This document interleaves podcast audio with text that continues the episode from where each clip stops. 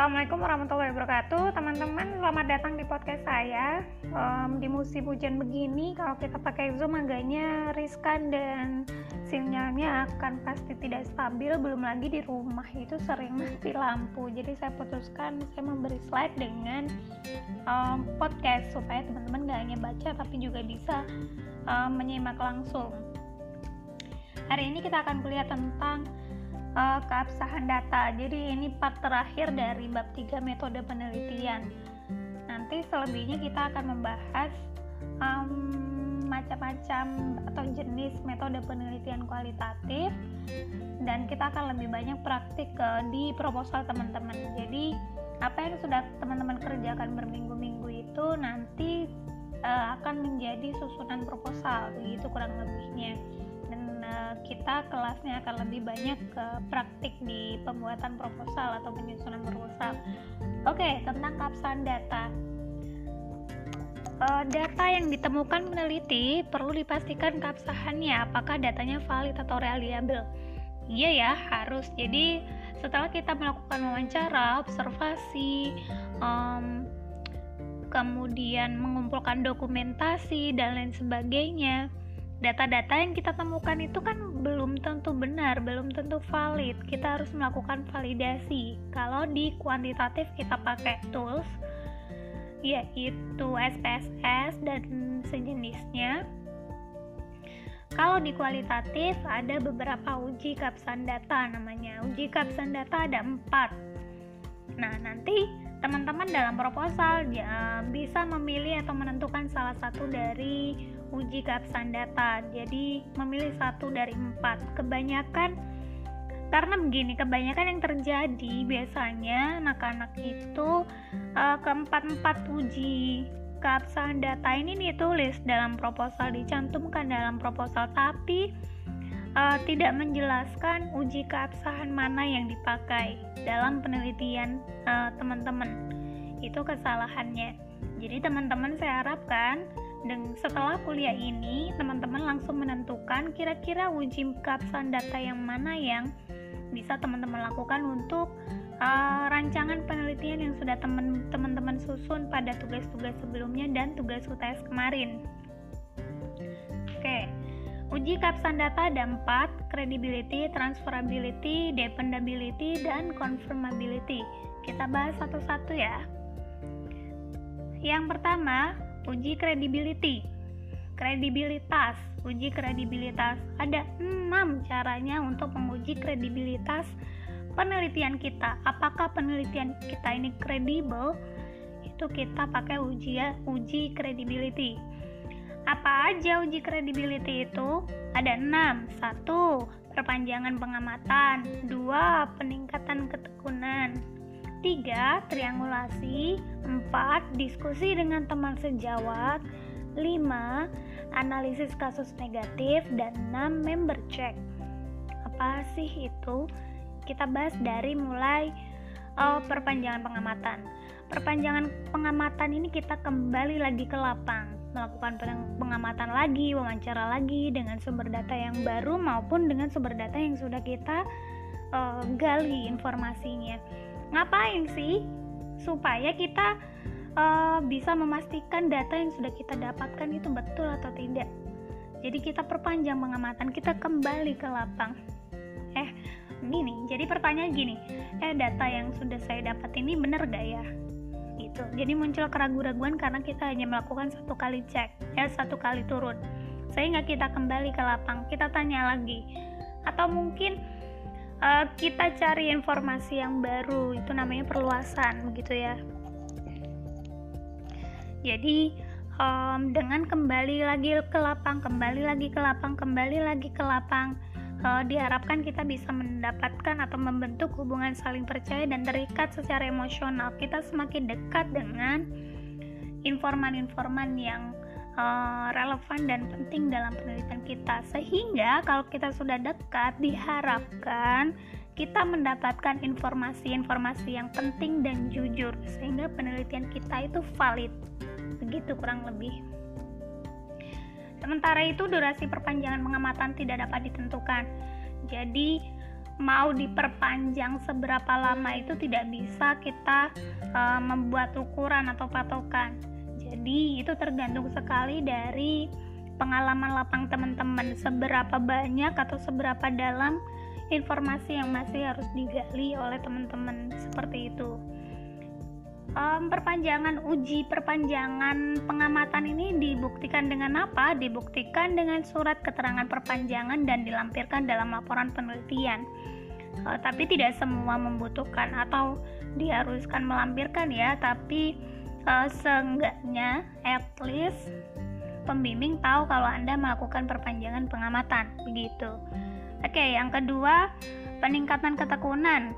Itu melakukan pengamatan lebih cermat dan berkesinambungan. Kalau peningkatan ketekunan ini kita selain tadi melakukan konfirmasi, turun ke lapang lagi, kita juga membaca banyak referensi buku atau laporan penelitian lain, dokumentasi-dokumentasi yang relevan dengan penelitian yang kita lakukan sehingga kita bisa mendapatkan gambaran yang komprehensif atau bahkan kita menemukan uh, sorry menemukan hal-hal yang tadinya tidak kita temukan sebelumnya karena kita kurang membaca seperti itu jadi ini penting sekali um, membaca referensi membaca hasil penelitian lain untuk uh, membuka wawasan anda dan mencari cari uh, hal yang unik dan menarik sebenarnya yang tidak bisa anda temui jika anda tidak banyak membaca begitu kurang lebih. Triangulasi ini yang sering banget saya bahas.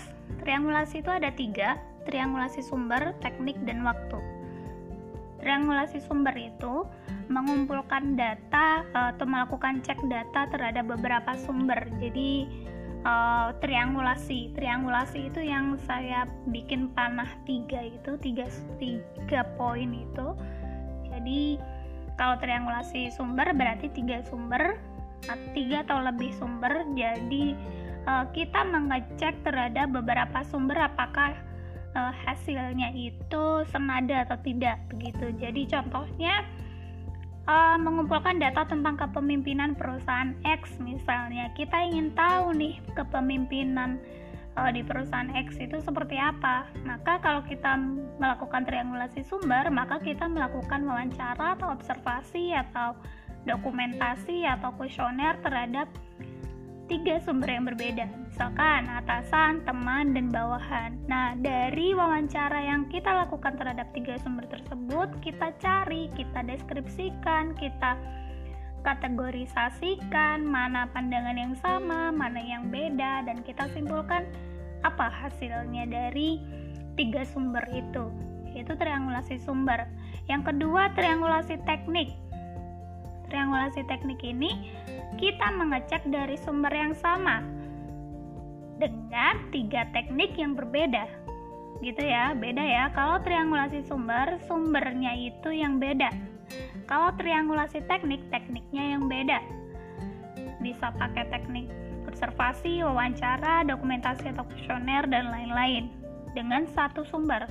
Misalnya menggali informasi dari Bapak X dengan cara observasi, wawancara, dan kuesioner. Jadi satu sumber, Bapak X, digali informasinya oleh peneliti dengan tiga teknik, observasi, wawancara, dan kuesioner. Misalnya seperti itu namanya triangulasi teknik. Jika ditemukan perbedaan hasil pada teknik-teknik tadi, misalnya Bapak X pada saat wawancara mengatakan A, pada saat observasi ditemukan B dan pada kuesioner ditemukan C misalnya. Jadi, kita harus mengulang-ulang lagi sampai atau mencari sumber data lain, kemudian berdiskusi dengan Bapak X, uh, um, mengkonfirmasi sebetulnya bagaimana, mengkonfirmasi uh, jawaban yang dikendaki bagaimana atau mencari sumber lain untuk memastikan. Yang ketiga, triangulasi waktu. Uh, ini melakukan teknik yang sama, penggalian data yang sama di waktu yang berbeda. Jadi misalnya paginya Bapak si Bapak diwawancara jawab A, siangnya diwawancara Bapak jawab B, malamnya diwawancara Bapak bilang C. Nah, itu berbeda-beda. Sehingga perlu dilakukan triangulasi karena waktu itu mempengaruhi. Waktu kita wawancara itu mempengaruhi kredibilitas data. Mungkin pada pagi hari bapaknya masih seger sehingga jawabannya masih um, seperti yang sesungguhnya atau representatif. Ketika siang sudah banyak stres maka memberi jawaban yang berbeda. Kemudian ketika malam ada distorsi apa dan lain sebagainya jawabannya juga bisa berbeda. Sehingga uh, dibutuhkan triangulasi waktu untuk memastikan uh, memastikan data mana yang benar begitu. Pada slide sudah saya uh, beri gambaran ilustrasi uh, tentang ilustrasi uh, tentang triangulasi, sorry. Jadi teman-teman nanti bisa lihat sendiri. Selanjutnya, diskusi dengan teman sejawat. Diskusi dengan teman sejawat bertujuan untuk menggali dan memperluas wawasan peneliti tentang penelitian yang sedang dilakukan. Peneliti bisa diskusi nih sama teman peneliti sendiri atau pembimbing, supervisor, pakar, dosen, dan pihak-pihak yang dianggap memahami tema dan kondisi penelitian yang dilakukan.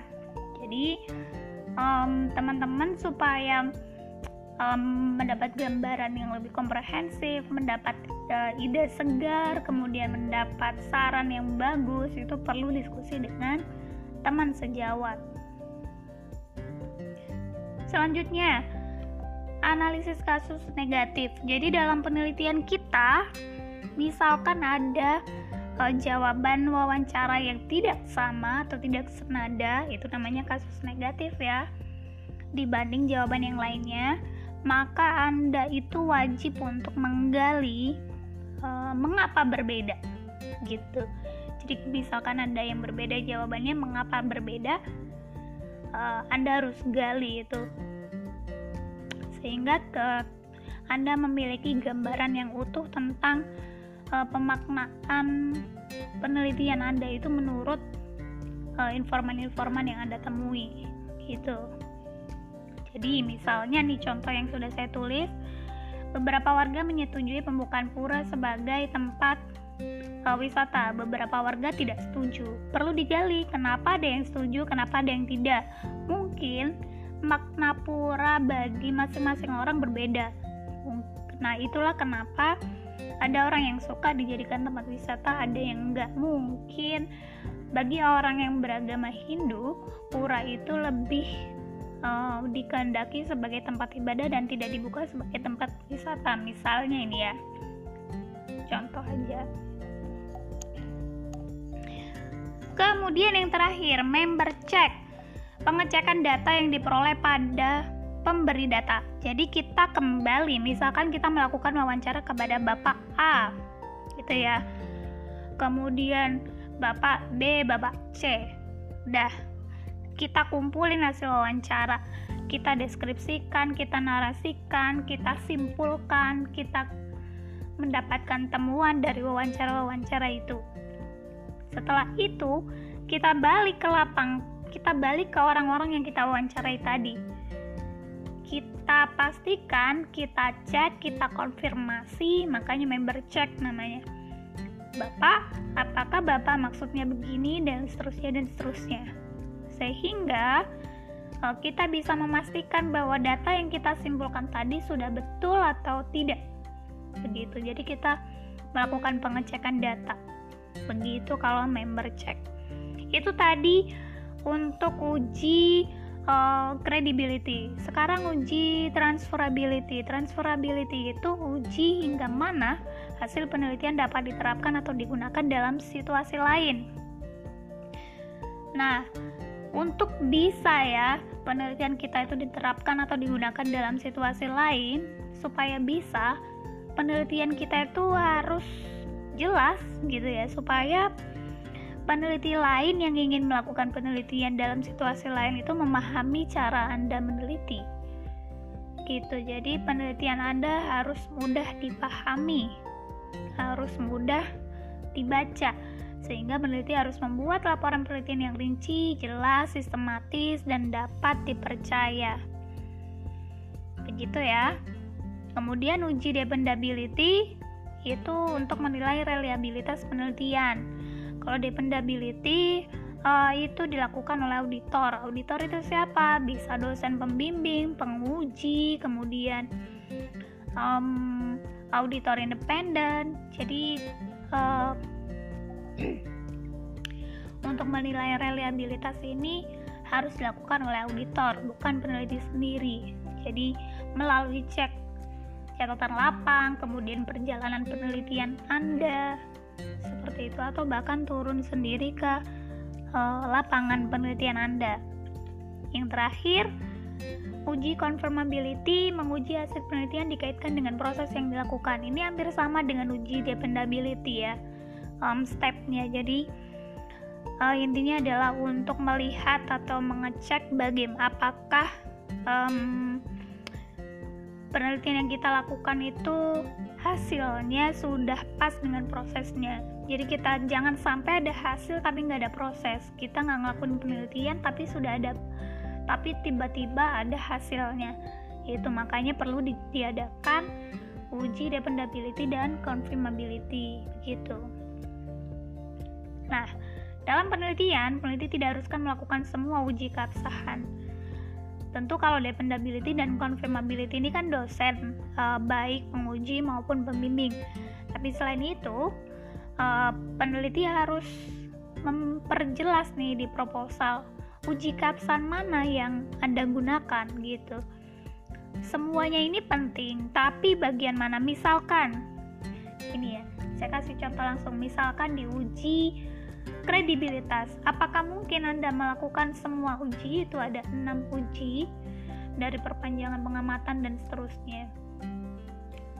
Jadi tentukan mana uji yang Anda lakukan dan Anda harus membuktikan uji uh, yang Anda tentukan tadi. Misalkan Anda menentukan perpanjangan pengamatan, ya sudah buktikan dengan surat keterangan perpanjangan pengamatan dan seterusnya. Jadi seperti itu.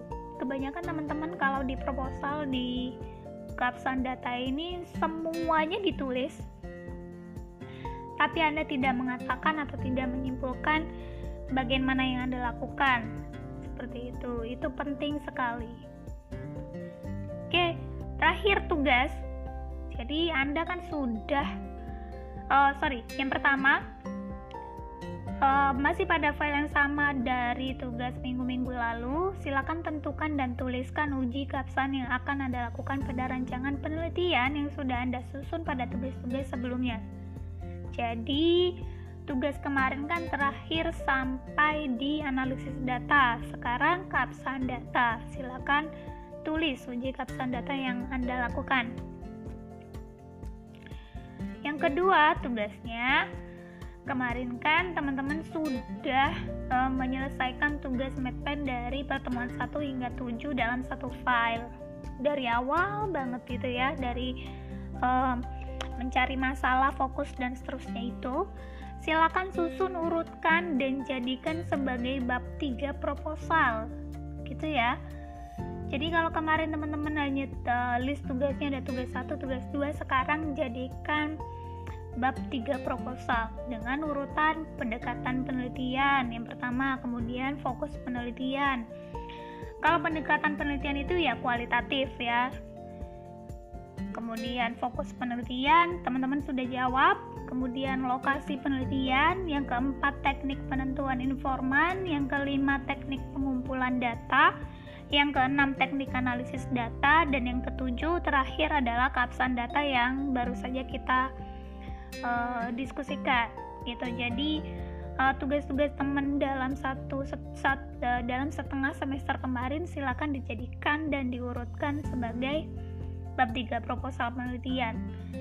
Kalau sudah diurutkan gabung dengan bab 1 yang sudah Anda kerjakan pada tugas UTS nah jadi kita nih mau bikin satu file namanya file proposal penelitian Anda, begitu ya.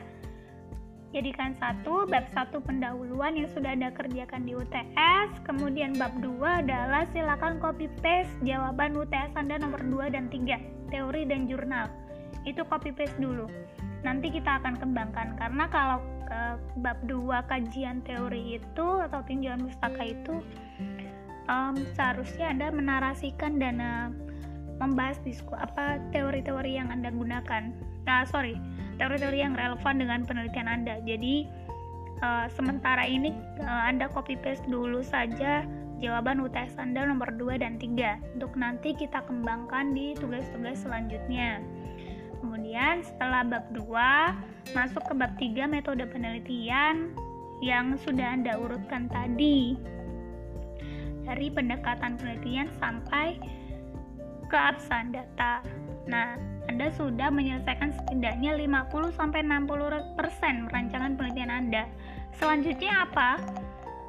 Uh, pertemuan minggu depan kita akan mulai masuk ke jenis-jenis penelitian kualitatif dan nanti Anda akan memutuskan penelitian Anda itu masuk jenis yang mana. Nah, kalau udah jelas nih, uh, kita akan full uh, revisi dan membahas ya revisi dan diskusi proposal yang anda susun gitu jadi di sesi UAS ini akan lebih banyak praktik daripada teori karena teori kita sudah selesaikan di sesi UTS gitu sekian dari saya tugas hari ini tidak perlu dikumpulkan karena kita akan masih teruskan di minggu depan jadi minggu depan anda siapkan uh, sudah dalam keadaan urut nanti kita tambah jenis penelitian Anda apa gitu. Jadi baru minggu depan dikumpulkannya. Terima kasih. Mohon maaf untuk kekurangan saya. Saya akhiri wassalamualaikum warahmatullahi wabarakatuh.